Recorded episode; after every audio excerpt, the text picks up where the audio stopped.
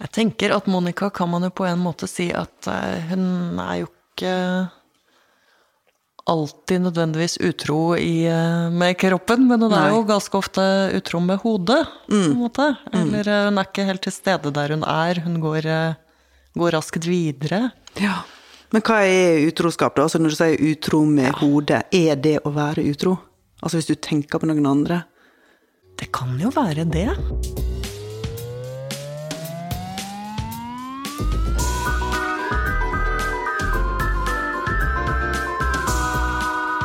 Velkommen, Olaug. Velkommen, Marie. Takk for det.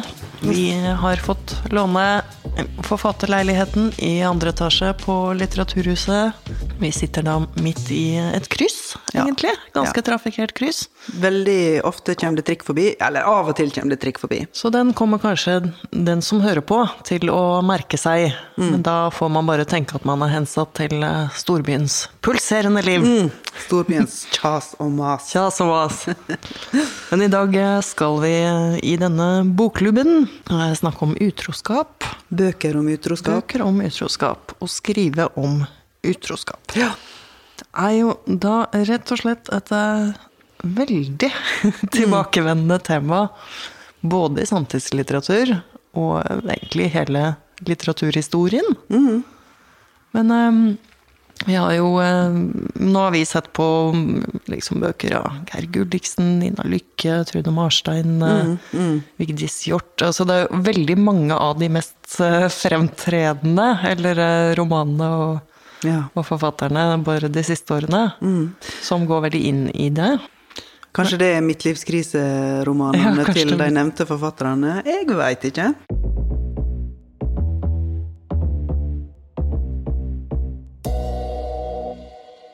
Men det som slår meg, er jo at det, det skrives jo enormt mye om i forhold til hvor mye det snakkes om i offentligheten. Ja. Altså, det er jo ikke mange som står fram med som personlige historier om at de begikk eh, eh, ekteskapsbrudd, eller Nei. eh, var utro, eller opplevde det. Hvor, hvorfor ikke, tror du?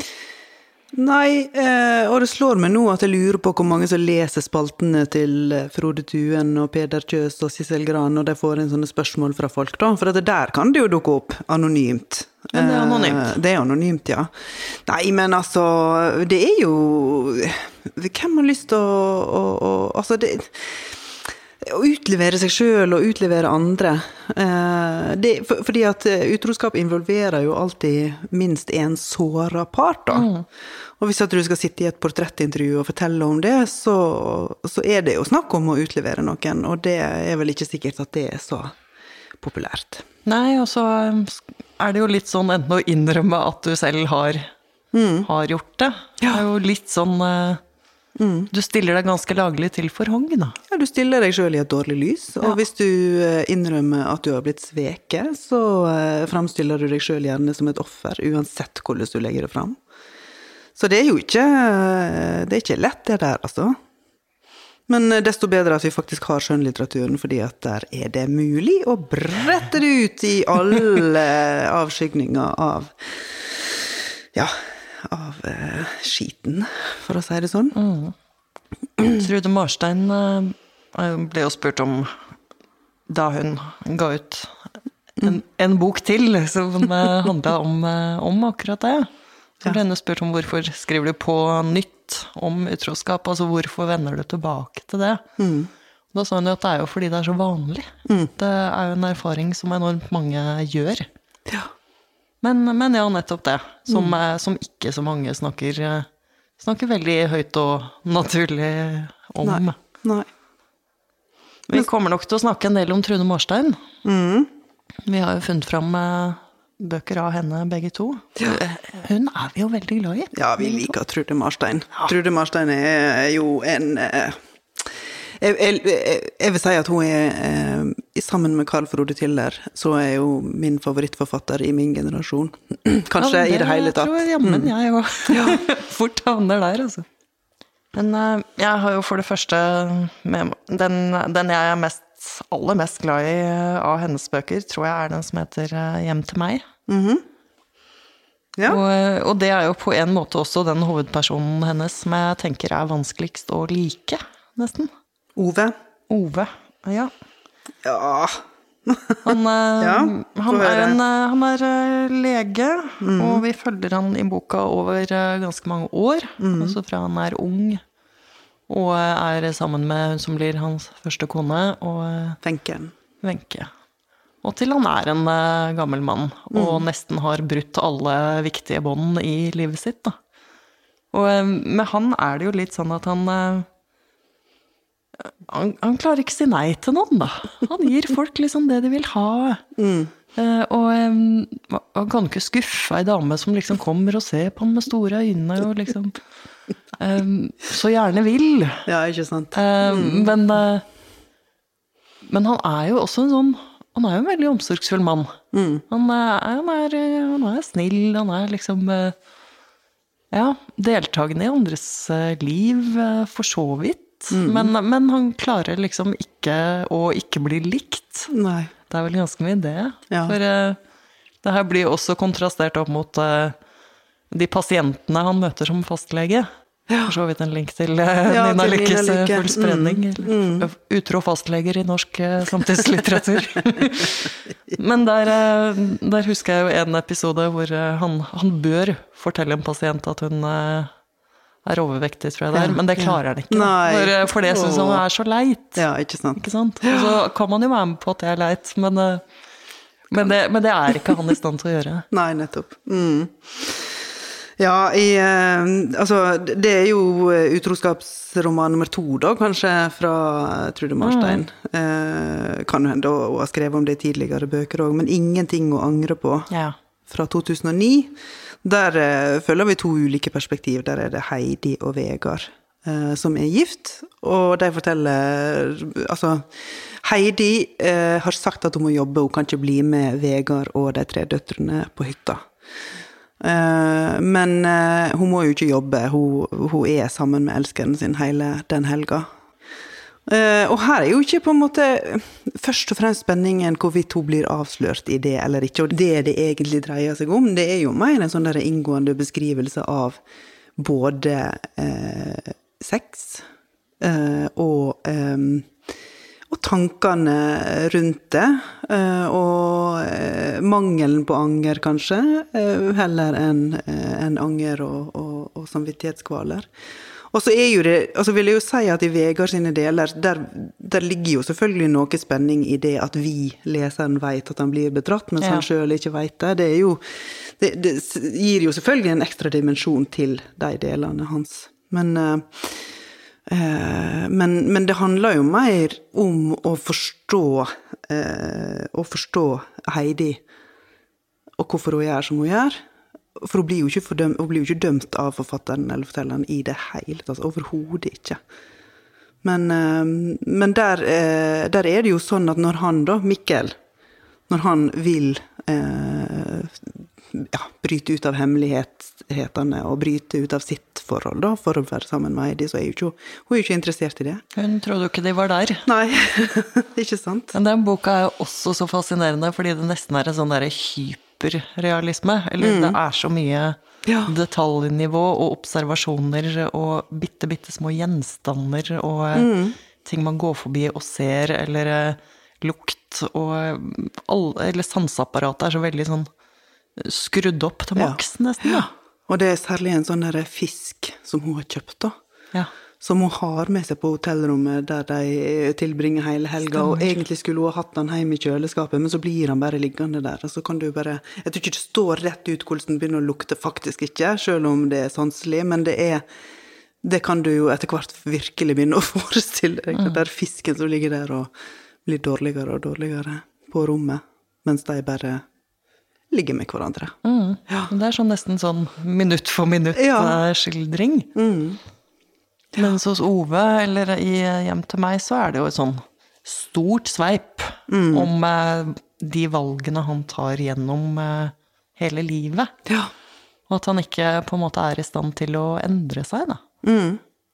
Eller ønsker det, eller uh, forstår helt hva han skal eh, Hvilken retning livet han skal ta. Og jeg syns jo at uh, han er en karakter som ligner på Monica, som er hovedkarakteren i Så mye hadde jeg fra 2018. Og den òg, Så mye hadde jeg, er òg en sånn stor og lang fortelling som er spent over Ja, det er vel kanskje 50 år. Omtrent det samme som med Ove. I hvert fall som um, det begynner tidlig, tidlig i hennes liv. Ja, og så følger eh, Og Monica òg blir jo fulgt gjennom eh, ja, seriemonogami og serieutroskap. Altså, hun er jo ikke sånn notorisk, Nei, sånn som nei, jeg er leser at Tove. Mm. Hun, men hun er, hun er utro ved noen anledninger. Ja. Og egentlig også i forhold hvor hun i utgangspunktet har det godt. Mm, Mm. Og eh, det er ikke noe gærent med, med de forholdene nødvendigvis. Det er ikke noe gærent med de mennene hun er sammen med. Nei, men hun, hun blir jo styrt av eh, impulsene sine så, så voldsomt. Altså når det kommer sånne overveldende følelser, så handler oppå på dem, da. Det, det, nei, det er noe jeg syns Trude Marstein er helt suveren på, akkurat det der. Sånne personer som eh, blir et sånn veldig lett bytte for eh, sånn sterke øyeblikksfølelser. Det kommer en ting Eller det kommer et eh, menneske og liksom ser på deg på en sånn spesiell måte, og så er det bare sånn Så blir du litt forelska i den ideen om at eh, Å, dette er det store, store, liksom. Ja. Jeg kan ikke stå imot. Og hvor det, det like mye betinges av at Monica sier til seg selv dette er helt utenfor min kontroll, det er ingenting jeg kan gjøre. Ikke sant? Hun, hun sier til seg selv at jeg, jeg har ingen kontroll over dette, og at det er en sånn der slags befrielse Ja. i å bare la seg eh, gjøre det, da. La seg selv få lov til å gjøre det. Så kan du kanskje si at Ove er på en måte pliktdreven i det at han vil gjøre andre godt. Men- mens, mens eh, Det er bare at han vil gjøre alle godt på én gang. Ja. og det er av og til veldig gjensidig utelukkende Ikke sant? Ja. hensyn. Mens, eh, mens eh, Monica avviser plikt hvis at uh, følelsene overstyrer. Ja, kanskje. Kanskje hun gjør det. Med Ove så tenker jeg også veldig at han er ikke helt i stand til å være alene med seg selv. Eh, han, han er ikke helt i stand til å ikke dele opplevelse med noen, nesten. Da. Det, du får en litt sånn følelse at hvis andre ikke er der, som et vitne, og ved siden av han så har det ikke skjedd. Nei. Som, eh, det er en sånn veldig fin episode hvor, eh, hvor han er på kino. Jeg, jeg tror det er med hun Wenche og med noen venner, da. Og etter, eh, etter filmen så snakker de om den. Og så eh, skjønner han at han har tolka filmen på en helt annen måte enn de andre. Ja. Og liksom ja men, det, ja, men det var jo ikke sånn. Det skjedde jo sånn og sånn. Og så blir han liksom så utrolig ulykkelig over at, at ingen skjønte det. At eh, liksom bare jeg er alene med denne opplevelsen, nesten. da. Og at det, det er en sånn det er veldig Også en veldig sånn eksistensiell ensomhet i han. Men eh, den er jo også så hjerteskjærende, den eh, boka. For det er jo en eh, hovedperson du liksom verken får helt lov å heie på eller helt lov å fordømme. Nei. Det er ganske godt balansert. Nei, men, men, eh, ja, men hun gjør jo aldri hun.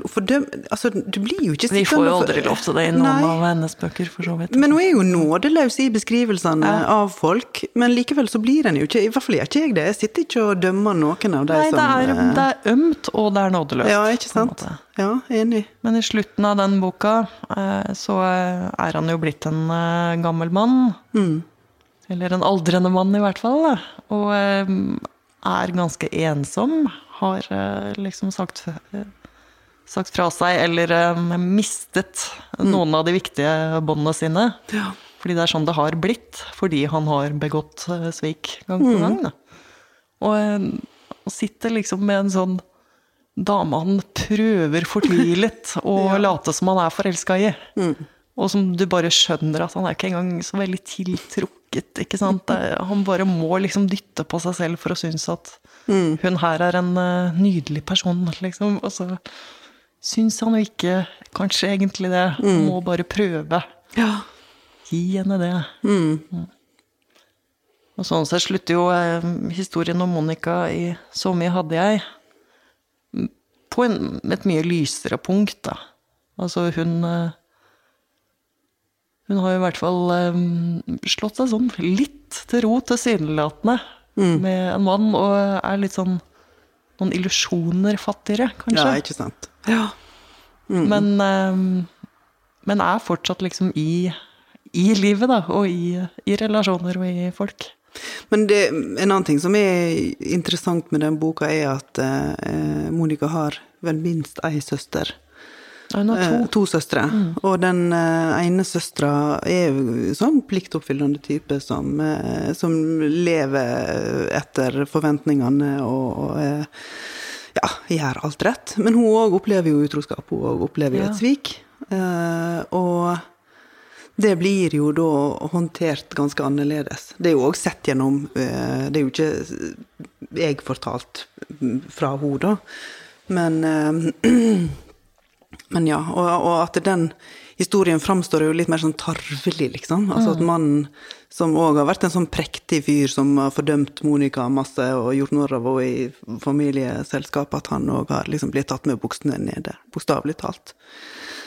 Så, eh, og der er jo det Jeg tenker jo at tittelen 'Så mye hadde jeg' som spiller på en sånn leik, da, at du kaster noen steiner opp i lufta, og så det du samler igjen, er det du Altså, du setter noe i spill, da. Setter noe på spill, og du kan vinne eller du kan tape. Uh, og, eh, og, og, og den historien òg viser jo noe om at uh, det, det er jo en metafor som en kan bruke på de fleste liv. Men jeg syns jo de er strukturert ganske forskjellig. Altså eh, i eh, Hjem til meg så leser jeg jo Omdreiningspunktene er jo litt sånn overgangene til neste kvinne, på en Ja. måte. Ja. Um, og det handler veldig mye om det. Mens eh, i Så mye hadde jeg, så det, er- det er jo sentrert sånn ett og ett kapittel, eller hver del, rundt eh, mennene i hennes liv. Men du får jo innsyn i så veldig mye av livet hennes underveis, da. Ja, sånn det eh, det derre baklandet med familie og søstrene, svogeren ja. Eh, Forholdet til datteren Ja, i mye ja. sterkere grad. Ikke sant. Så det er jo mer en sånn der mosaikk, nesten, av eh, det livet. Ja.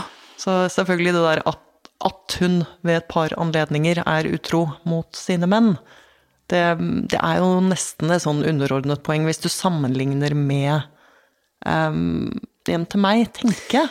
Ja, ja sammenligna med den. hun er ikke men- så utro. Nei, hun er ikke så utro, men hun er jo bet utro betydelig Hun er jo masse utro! Hun er masse utro, hun òg, altså.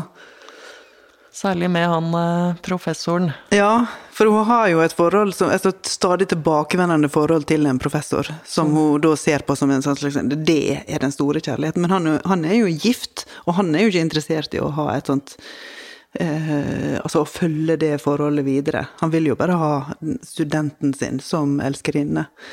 Men de prøver jo en gang å være sammen, og de går jo også i dass. Men, men det er jo sånn der forhold hvor du som leser sitter bare sånn her Nei! Nei! Ikke nå igjen! Liksom. Og så gjør hun det likevel. Og så gjør hun det likevel. Mm. Ødelegger for seg sjøl med å gå til han der. Ja, ja, ja. Og så, og så skjønner hun på én måte litt sånn at eh, det er oppskrift på, eh, Ja. På destruksjon eller Ja. undergang, da, og så er det litt sånn Nei, men jeg kan ikke for det. Og så, Men det er jo der altså for, for når vi mener at hun er nådeløs, ikke sant altså, Det er jo noe der. Sant? Altså at hun forfølger nettopp det der. Hun lar ikke Monica være så fornuftig som, en, som leseren kanskje tenker at hun burde være. Nei, ikke i det hele tatt. Og, og hun er jo nådeløs på mange måter i det hun skriver, og det er jo alltid altså eksempel med at hun beskriver kroppen ganske nært. da. Jeg husker fra en av de første bøkene til eh, Trude at det sto beskrevet liksom å plukke hud fra munnen, eksempel. Sånn der tørr hud fra munnen. Og det kan en jo kjenne seg igjen i, sant? men det er jo veldig ekkelt. Jo, men det er, det er jo litt sånn dissekerende på den måten hun er, da. Sånn mm. på eh, personenes følelsesliv. ja. Og du får ikke lov å synes dette er eh, pent, eller eh, ingen mennesker er bedre enn eh, vi kan forestille oss at de skulle være. Liksom. Nei.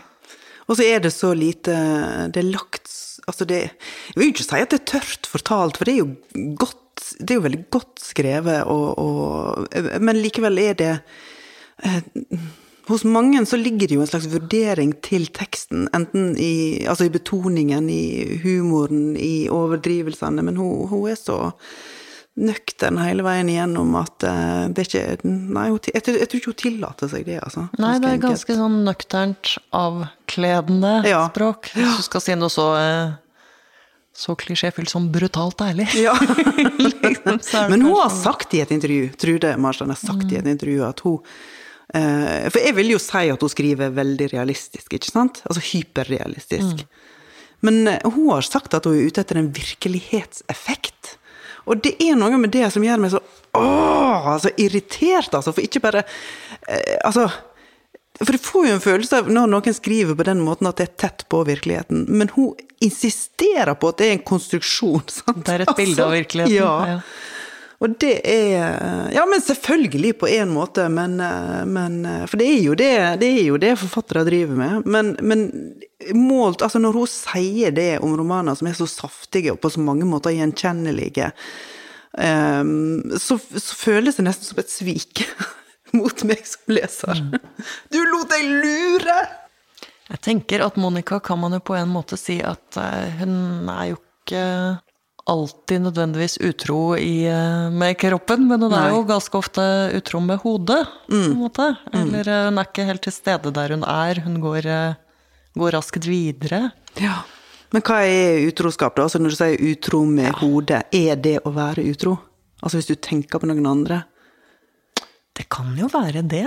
Hvis du um, Altså, ikke noe du kanskje ville måtte stå til rette for i den store utrodomstolen, mm. men mm. Men selvfølgelig kan det også være et svik, hvis du ikke er til stede mm. i den relasjonen du er i. Ja. Og um, du liksom har blikket bortvendt hele tida, da. Mm. Det, er, eh, det, er, alltid en litt sånn speiding etter noe annet, etter uh, noe bedre, etter en uh, mulig vei ut. Uh, ja. Jeg kan holde denne personen varm, og så kan mm. jeg se meg om liksom, mm. Selv om du teknisk sett ikke gjør noe gærent. Ja så er det jo mulig å tenke seg eh, dette i utstrakt forstand, selvfølgelig. Altså mm. i den um, Hvis vi skal gå videre til andre forfattere enn mm. Trude Marstein. Ja, vi kan snakke litt om noen men, andre. Eh, ja, men jeg tenkte på den nye boka til Jonathan Franston, mm. den som heter 'Korsveien'. Ja. Um, en av fortellerne der er en prest ja. som um, Ikke kan være utro.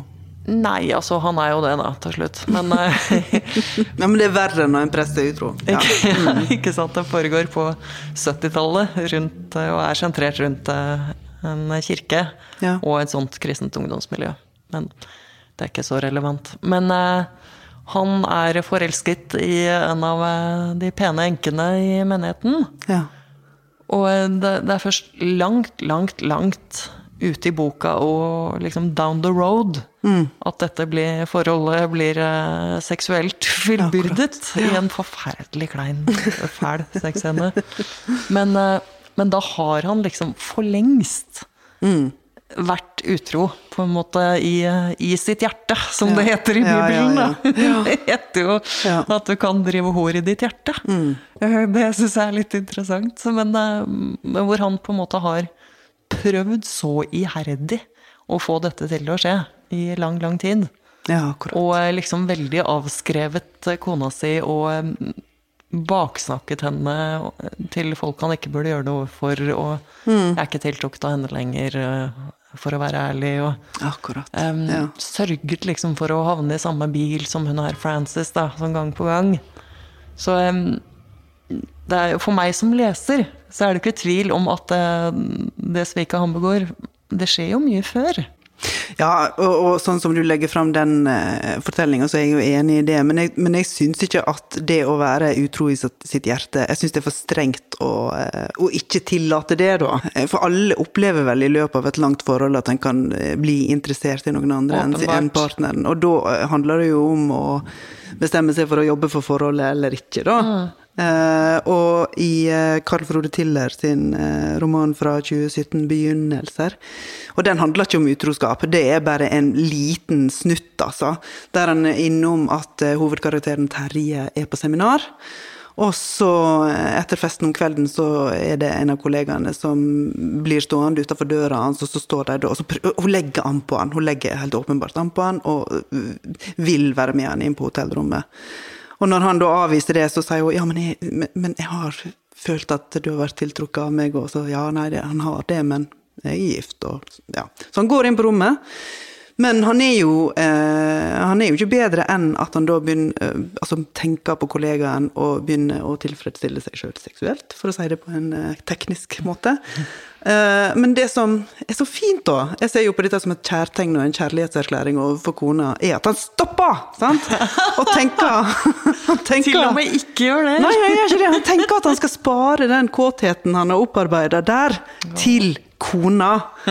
Og det er jo på en måte Det er jo Altså, ja, da har han jo vært utro i sitt hjerte.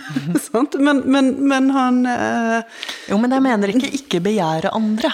Nei, det, det okay. er jo umulig liksom Ja, å, eh, å styre og liksom liksom Du kan jo ikke gå inn og eh, slå tanker på lanken, liksom. Nei, nei. Åpenbart ikke. Og du, du vil feile og eh, trå feil og eh, gjøre mange feil. Nødvendigvis i et langt samliv. Mm. Ja. Det jeg tenker eh, heller kanskje er hvis du nekter å investere deg selv ja, i ja, ja, relasjonen. ja da, og jeg er enig i det, altså. Og at det er en slags utroskap, og at det liksom, da er det jo nesten ikke vits i å være i et forhold. Ja. Det, og det er jo på en måte en sånn ikke-fysisk mm. troløshet, på en måte, da. Hvor, Mm. Du, hvor du ikke investerer deg. Men da er jo eksempel altså, hvis altså hvor langt må en gå med fysisk nærhet med en annen person før vi kan kalle det utroskap? Da, I og med at du tillater begjær, sant? altså det å begjære andre. Da er jo eksempel kanskje et kyss ikke å gå for langt. Nei, du må ikke spørre meg. Nei. ja, vi, kan, vi, kan, vi kan sette opp ei liste. kyss, tørt kyss på lepper. Dette må vi ta Ok. på hjemmebane. Ja.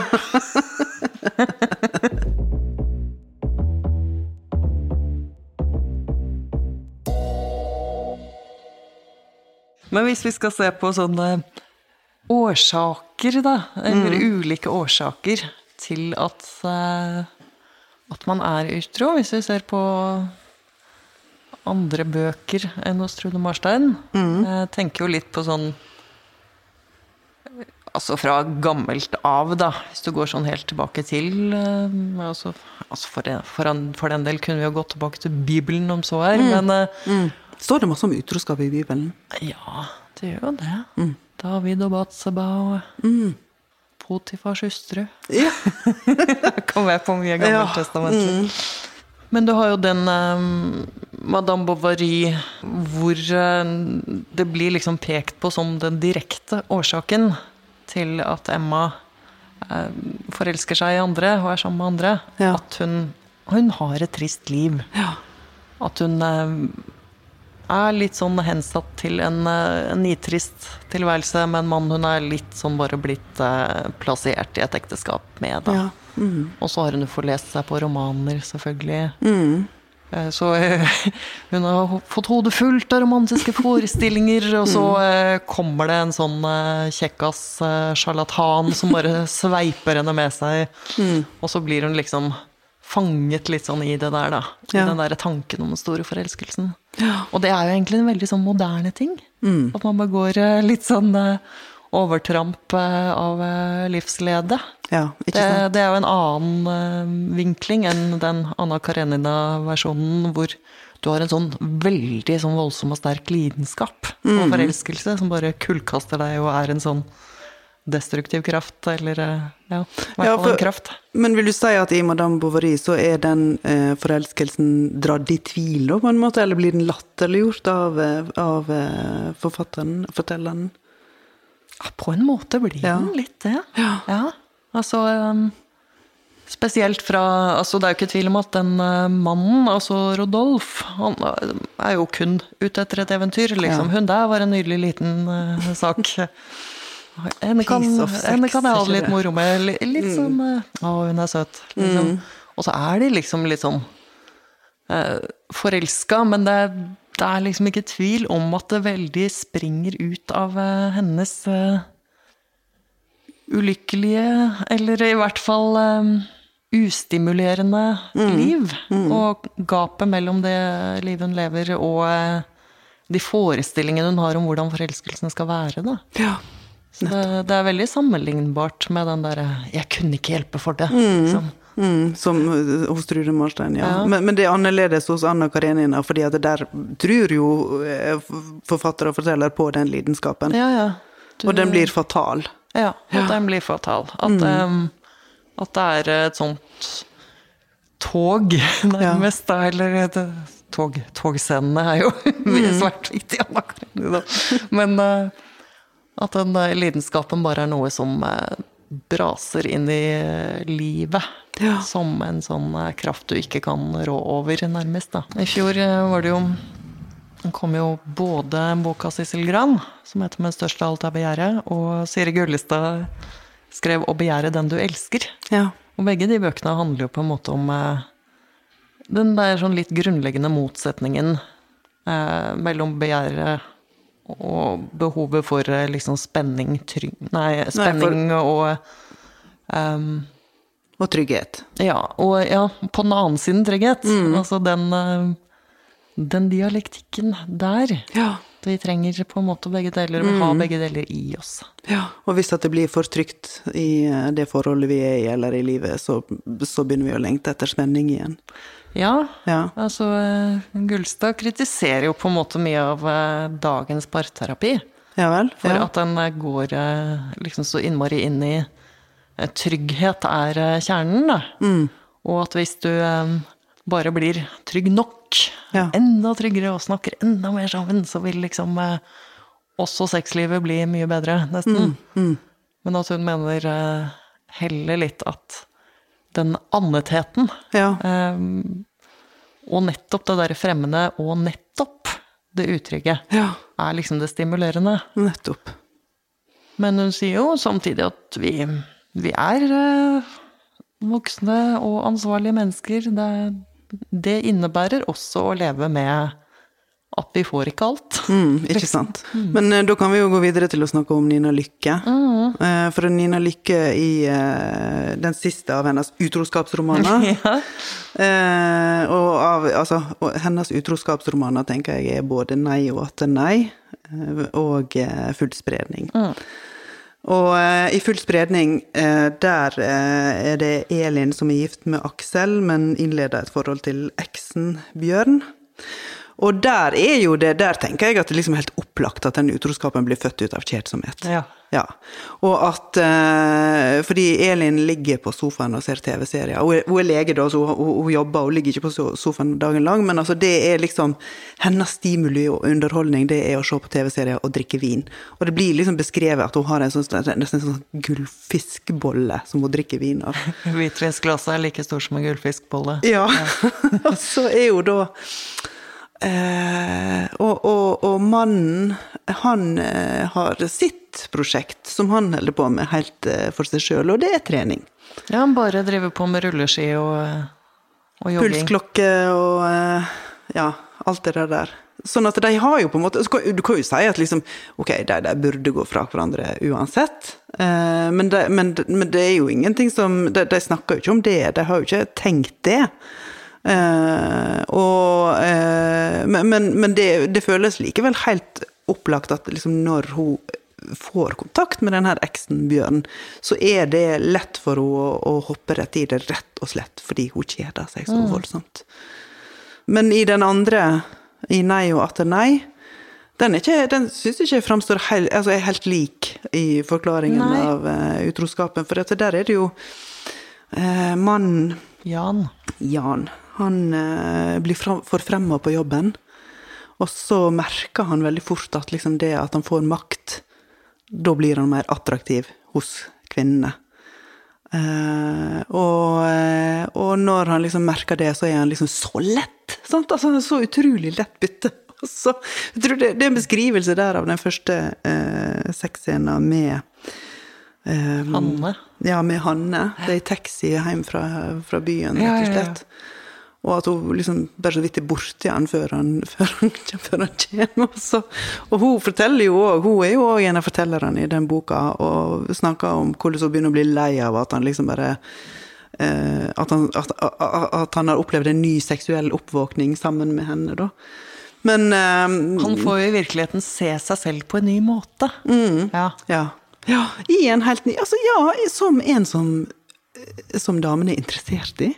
Ja, Ja. og som eh, bare, bare kan gjøre sånne ting. Det, Ja. det, er, eh, Ja.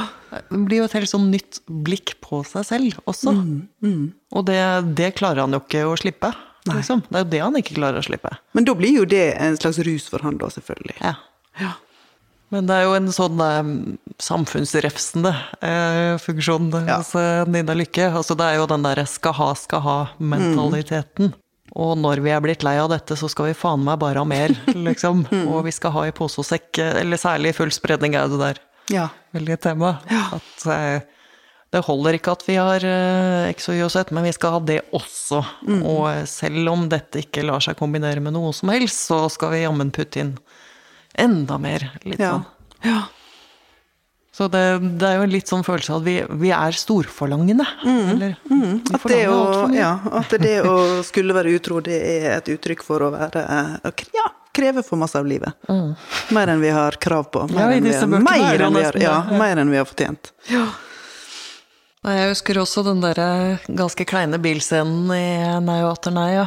Men jeg tenkte på at det er jo ganske vanskelig å skrive sexy om eh, sex. Ja, og egentlig så skulle en jo tro at eh, romaner om utroskap inneholdt ganske sånne pikante scener. Sant? Altså at en skulle tro at en ville liksom leve opp til leseren sin liksom Ja, sine drømmer. Altså, eller at det nærmest kunne være en slags husmors... Husmors- vise fram eh, hvordan det begjæret kjennes. Ja, ikke sant? Men det, det er jo sjelden sånn, altså, i de gode bøkene. Det er ofte ganske pinlige sexscener, rett og Ja. Syns du det er enkelt å skrive om sex? Å ja Nei, nei. Men jeg har nå min minste kunst. Ja. Jeg har gjort en del. Det har jeg jo. Men, Ja, men det, har, eh, det har ofte vært flaue sexscener, det jeg har skrevet. Ja. Og det er vel fordi at det føles mer interessant, altså. Fordi at, nettopp fordi at eh, opphissende sex, det er jo porno, sant? Og, og, og det er jo kanskje ikke det du er ute etter når du skriver skjønnlitteratur. Norsk samtidslitteratur. I hvert fall ikke jeg, i hvert fall ikke jeg det, da. Men, men det er òg noe med um, Altså, på en måte er det vanskeligere å skrive eh, flaue sexscener, men eh, eh, men noen ganger så blir jo Altså, det fins jo sånne kåringer for liksom Bad sex awards. Ja, ikke sant. Men, men, men jeg tror ikke eksempel at Geir Gulliksen ville ha havna der. Selv om hans eh, sexscenen i hans utroskapsromaner er noen av de utrolig flaue. Og det er særlig den eh, som heter Se på oss nå. Um, der eh, eh, Hans er hovedpersonen, og han innleder et forhold til Harriet. Og han har møtt henne i et bryllup. Og der er det to ganske flaue scener. Og den ene er at han eh, For at han møter Harriet på toalettet i det bryllupslokalet. Og hun inviterer han inn på toalettet fordi at hun har nemlig, hun, hun har nemlig et barn hjemme som hun for første gang er vekke fra, og så får hun melkespreng, og så vet hun hva hun skal gjøre med den melkesprengen. Og så inviterer hun han inn for å, for å hjelpe henne. Og det er jo liksom Det er jo på en måte helt totalt usannsynlig. Eller det er totalt usannsynlig, men en leser jo videre med skrekkblanda fryd. Men i den der scenen inne på doen der, så hjelper jo han å håndmelke henne over vasken. Og så er det liksom òg samtidig en beskrivelse av hvordan Altså om Altså at han reflekterer over ja, er dette seksuelt, eller er det ikke seksuelt? Altså, å, det er så flaut! Og så er det flaut òg fordi at de er jo et bryllup, og det er kø utafor? Nei, alt med den scenen er bare dritflaut. Og så er det eh, ei scene til, da, for han innleder jo et forhold til, til Harriet. og Eh, Men han er jo fremdeles eh, gift med kona si. Og så, når han har sex med kona, så, så skal han til å rope 'Harriet' når han kommer. Eh, men han stopper seg sjøl, da, så han sier 'ha'. Og, eh, og så syns kona at det er kjempemorsomt at liksom, det var utbruddet han kom med. Ha! Så hun går liksom rundt og erter han etterpå, og liksom kan komme opp bak han og si sånn ha! Og det er bare alt med det òg syns jeg er så utrolig flaut. Og i, eh, Uh, I den uh, lydboka som er lest av uh, Henrik Rafaelsen, så leser han det på en sånn derre slepende Ja. Eh, Og og på en måte Altså helt nøktern måte, altså. Eh, men jeg, jeg har et sånt minne, for jeg har gått, en gått på tur og hørt på den lydboka. Jeg vet akkurat hvor jeg var når jeg hørte om ha! Men det er klart, altså det er jo litt urettferdig mot Geir Gulliksen å bare snakke om de der flaue sexscenene, for dette bøkene er jo selvfølgelig masse mer enn det, og, eh, og han skriver masse altså refleksjoner om, eh, om kjønnsroller, og særlig i sex, da. Og det er, ikke, det er ikke egentlig det som er flaut med de sexscenene. Jeg syns jo at det er egentlig ganske interessant, fordi at når han da eh, skriver om en mann som reflekterer over sin egen seksualitet mens han har sex, og i hva grad eh, Altså, han, han reflekterer f.eks. om metoo, og, og, og altså inn i Altså han tar med seg på en måte metoo-diskusjonen inn i selve sexakten. Syns det òg er veldig interessant, jeg, altså, fordi Um, han, han, tenker f.eks. om sexen med, med, Harriet, som er yngre. Uh, at hun er sikkert så frigjort, da. Altså, han trenger ikke å være en øm og omtenksom elsker. For hun, er sikkert, hun skjønner sikkert at det er et sånt spill hvis han er liksom hard og, og uh, uh, Ja. Det, nei, det, det er interessant. Interessant lesing. Jeg leste jo en uh, roman eh, som jeg leste før jul, som er av Hanne Ramsdal, den som heter 'Jeg kaller deg Pjotr'. Og den syns jeg har en sånn uh, veldig lekenhet i hvordan den skriver om seksuell flørt. Ja. Altså, det her handler om Eller hovedpersonen blir, som heter Lone, blir forelska i Paul. De møtes på fest, så hun er liksom opptatt med samboer, har et lite barn, mm. men faller så veldig hardt for mm. han her. Og de utvikler en sånn ja, en, ja, en sånn køddete tone, mm. hvor de They talk to each other like this. okay, yeah. And they write sexy text messages. Og de kaller hverandre Pjotr og Olga. Yeah. Yes, have sex with sexy Olga now. Sit on dick and ride it. Oh, og, de drar den der veldig langt. Og så er det der så veldig sånn der morsomt og ja, cringe i mangel av et bedre ord. Da. Litt sånn der halvflaut. Men den boka syns jeg jo er en veldig god og ganske sånn mørk mm. beskrivelse av det her veldig kullkastende, kraftfulle, destruktive ja. Ja. med eh, en forelskelse. Mm. Mm. Det kan det jo være enten du er i et forhold eller ikke. Ja. Eh, at det kan skru deg nedover eh, i et spor du ikke skulle vært i. Men, men, hun opplever da å være interessert i en som ikke vil ha henne. Ja. Hver gang hun prøver å tre ut av den her liksom halvflaue leken deres, så er ikke han med. Hun prøver liksom å få dette trukket over i noe som er ekte, og noe som hun kan, kan tro på. Ja. Og hun slipper på en måte alt i jakten på det, da. Og det, det blir en helt sånn der mani, eller fortvilet mani, liksom. Hvor hun bare mister seg selv fullstendig. Mm. Og forhold ryker, og det blir etter hvert sånn grensene mot omsorgssvikt for Ja, barnet. ja. Og det går veldig langt, da. Mm. Og det er ikke før det er sånn helt på bånn at hun på en måte greier å sette en kile, eller sette en kjepp i det der evig spinnende hjulet, på en måte. Mm. Forelskelsen som galskap. Ja, for veldig forelskelsen som eh, som en eh, mørk og ødeleggende Mm. galskap, da. Men nå har vi snakka masse om utro folk Ja. i litteraturen. Eh, ikke så masse om de som blir bedratt, da. Mm. Det er jo litt påfallende, nesten. Ja, det er det. Altså, I noen av eh, romanene vi har vært innom, så har den bedratte ei stemme, men det er ikke liksom bedraget vi hører så masse om.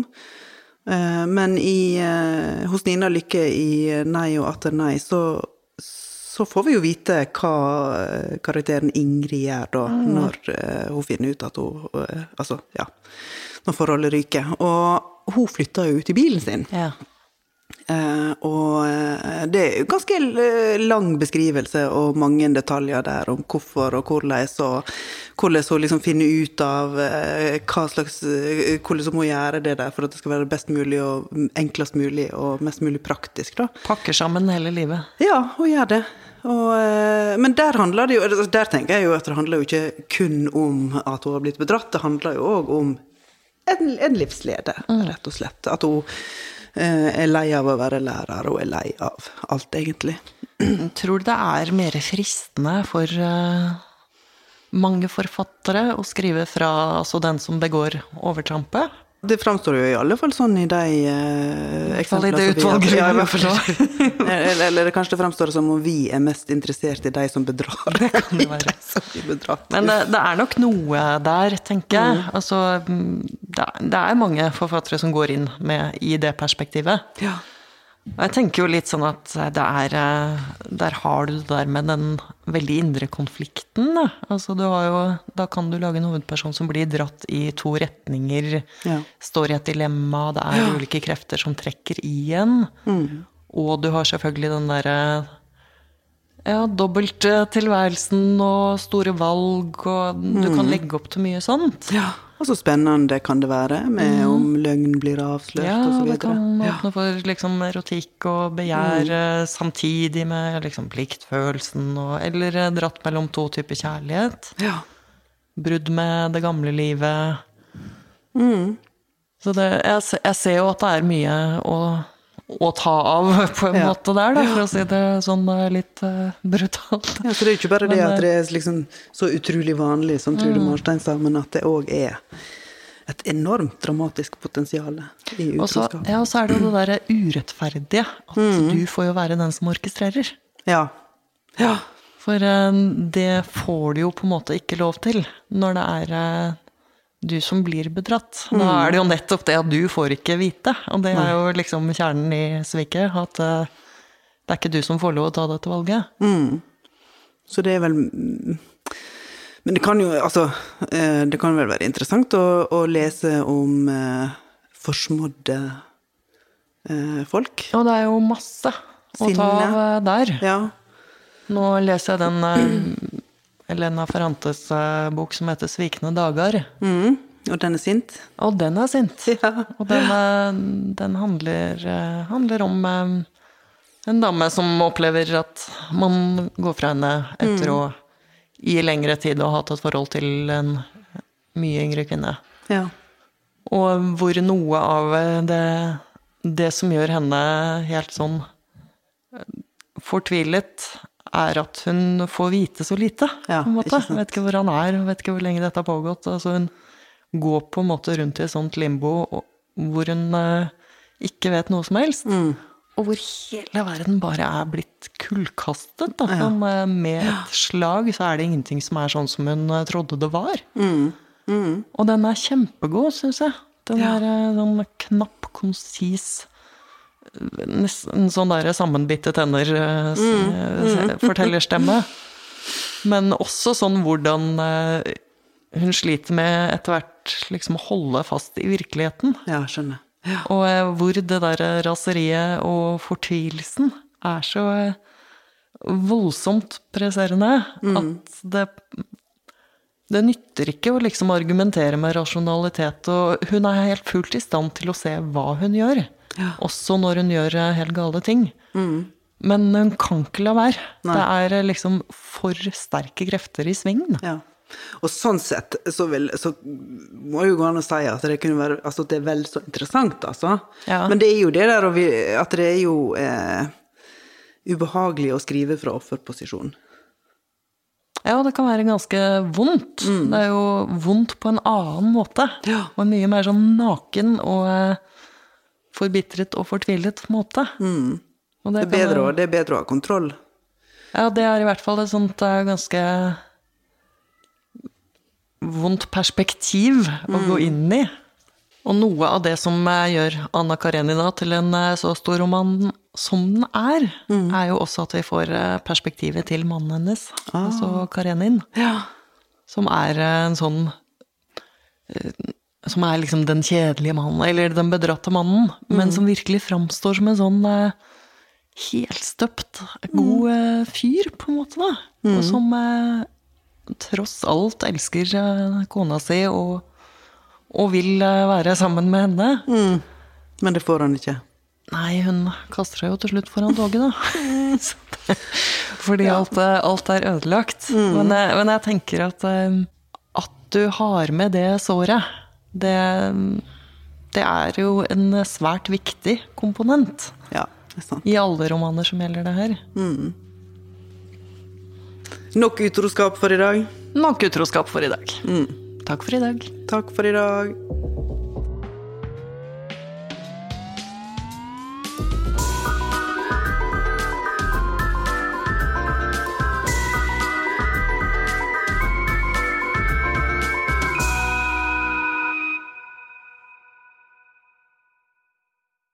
Du har hørt en podkast fra Litteraturhuset.